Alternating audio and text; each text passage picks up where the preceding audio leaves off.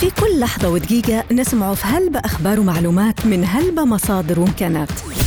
بعضها مرات يكون حقيقي ومرات إشاعة. ومرات إشاعة. فمش كل خبر نسمعوه نصدقوه وزي ما يقولوا مش كل شيء مع ذهب مرات يكون فالصو. ومرات يكون فالصو. بودكاست في بالك فيها فالصو. تسمعوه على منصة فالصو لرصد خطاب الكراهية والأخبار الزائفة ومنصة أنا صحفي. مقدم من المركز الليبي لحرية الصحافة. في بالك فيها فالص الأسبوع هذا ونبدوها بالعناوين.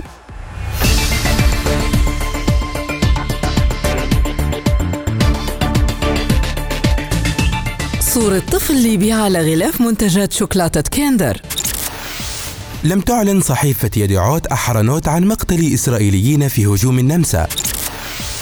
صلاة من أجل ضحايا إعصار هارفي ولا علاقة لها بالانتخابات الأمريكية. تركيا ترفض مساعدات إسرائيل عقب زلزال إزمير. أيهما الأكثر وقاية من فيروس كورونا كمامات القطن أم القماش؟ لم يعلن الجيش الأثيوبي الانقلاب على آبي أحمد. أما في فقرة العداد الرقمي حنستعرض نتائج ثلاثة وسائل إعلامية وهي قناة 218 الإخبارية صحيفة العنوان الليبية وعين ليبيا.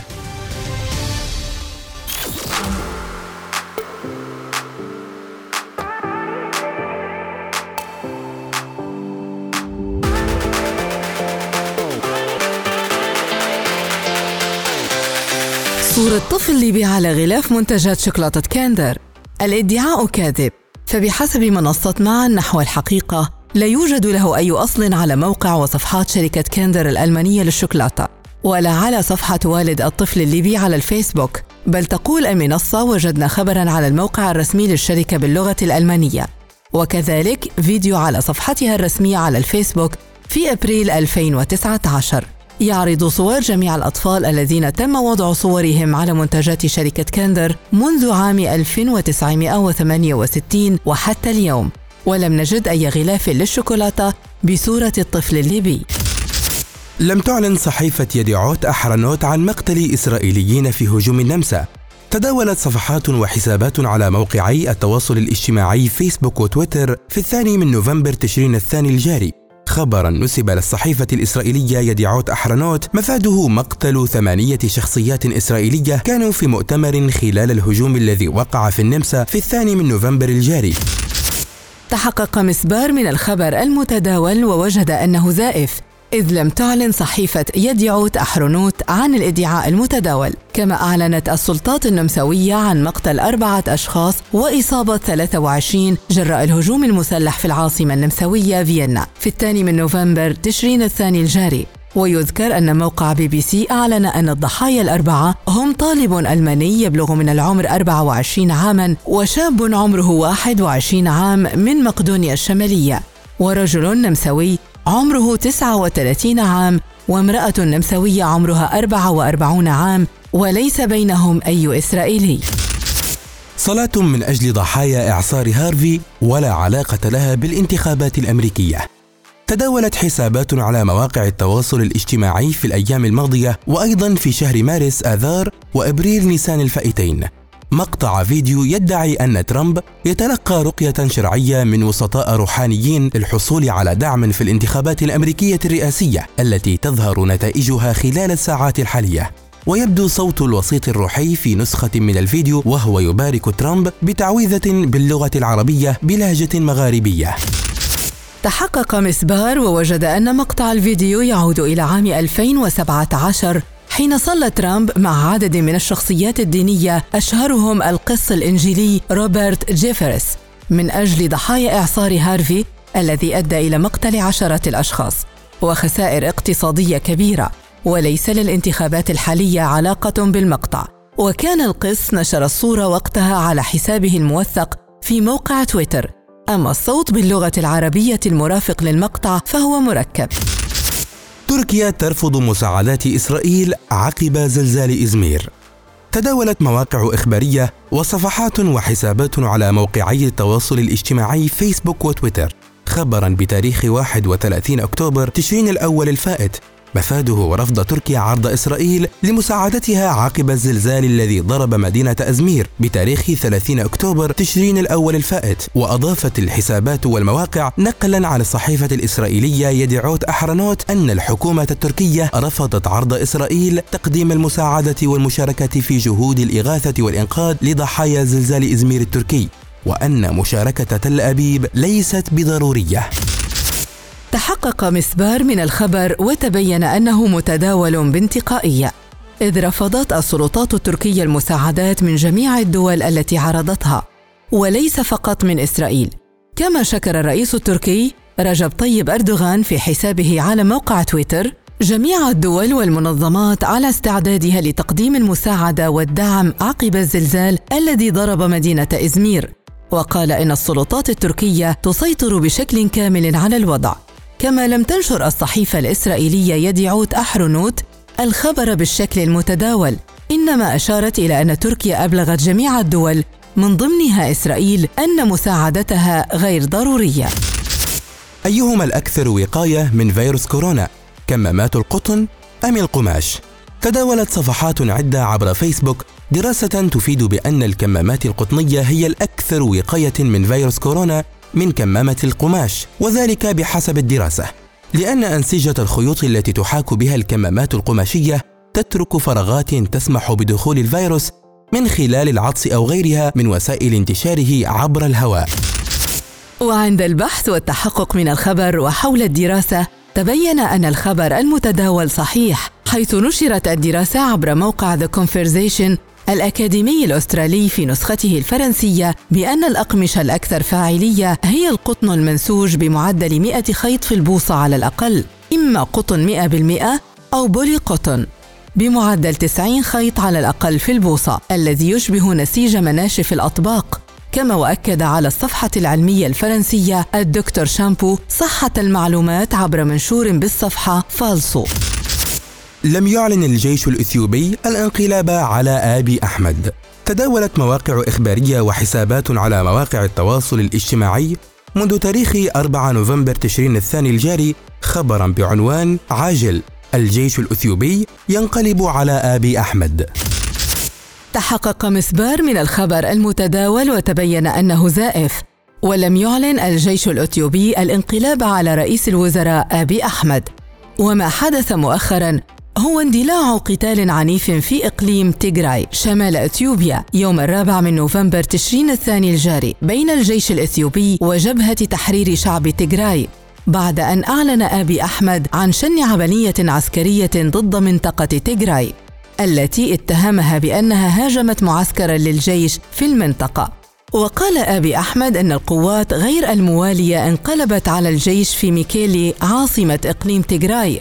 ومنطقة دانشا غرب الإقليم وأعلنت الحكومة الإثيوبية عن حالة الطوارئ لمدة ستة أشهر في تيغراي. كما أعلن الجيش الإثيوبي الخميس الحرب على السلطات المتمردة في إقليم تيغراي. ومن الأخبار المحلية والعالمية إلى فقرة العداد الرقمي حيث اخترنا لليوم ثلاثة وسائل إعلامية بداية مع قناة 218 الإخبارية. وهي خدمة إخبارية تتبع قناة 218 المنوعة وتعتمد على الأحداث الخبر والتعديل. وقد أطلقت القناة بثها التجريبي في أواخر عام 2017 من مقرها الرئيسي في العاصمة الأردنية عمان. وتديرها الصحفية هدى السراري التي تعد مقربة من معسكر الكرامة. وتفتقد القناة للشفافية من حيث مصادر التمويل لها إلا أنه يشاع أنها تتلقى تمويلا إماراتي. حيث ارتكبت القناة 600 إخلال خلال النصف الأول من هذا العام. تركزت أغلبها في شهر فبراير بعد 191 إخلال حيث تمثلت الإخلالات المهنية حسب الأشكال الصحفية في الخبر أو التقرير الإخباري.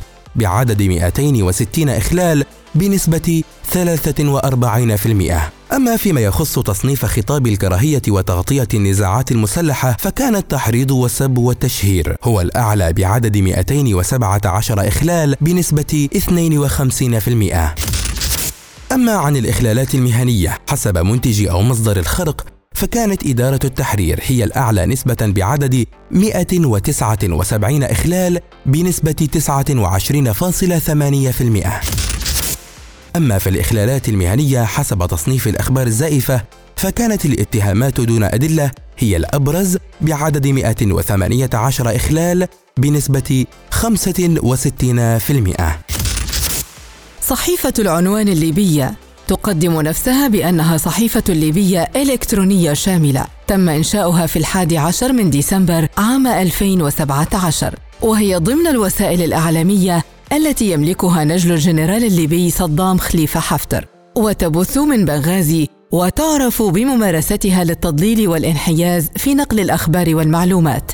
ويديرها الصحفي المقرب من معسكر الكرامة محمود الفرجاني.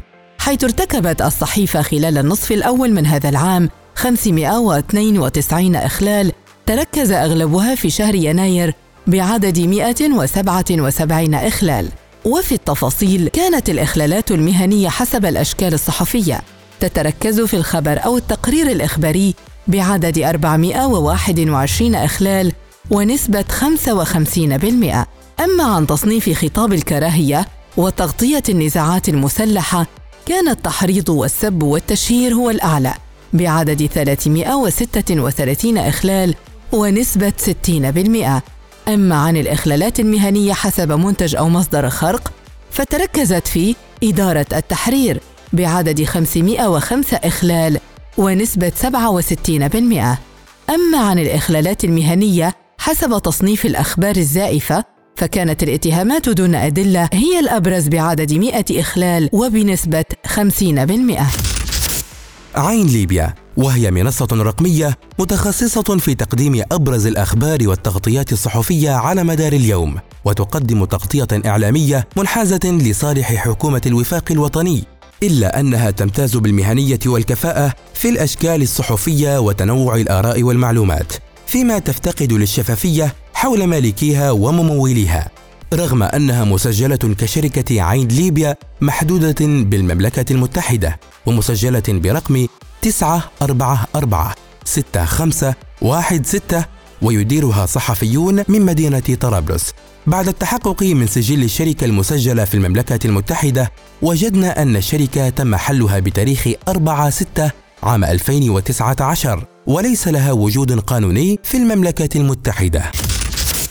حيث ارتكبت المنصة 566 إخلال تركز أغلبها في شهر فبراير بعدد 175 فكانت الإخلالات المهنية حسب الأشكال الصحفية الخبر أو التقرير الأخباري بعدد 475 إخلال وبنسبة 84%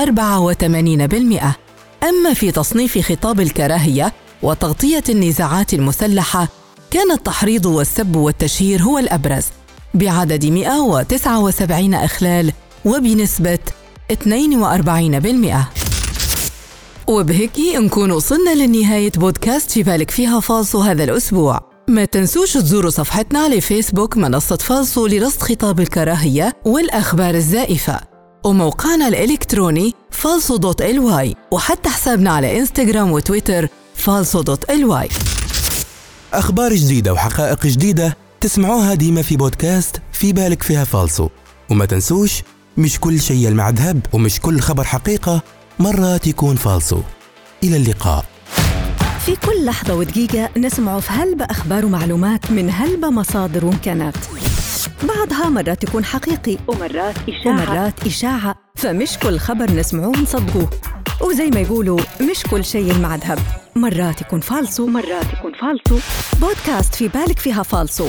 تسمعوها على منصة فالصو لرصد خطاب الكراهية والأخبار الزائفة ومنصة أنا صحفي. مقدم من المركز الليبي لحرية الصحافة.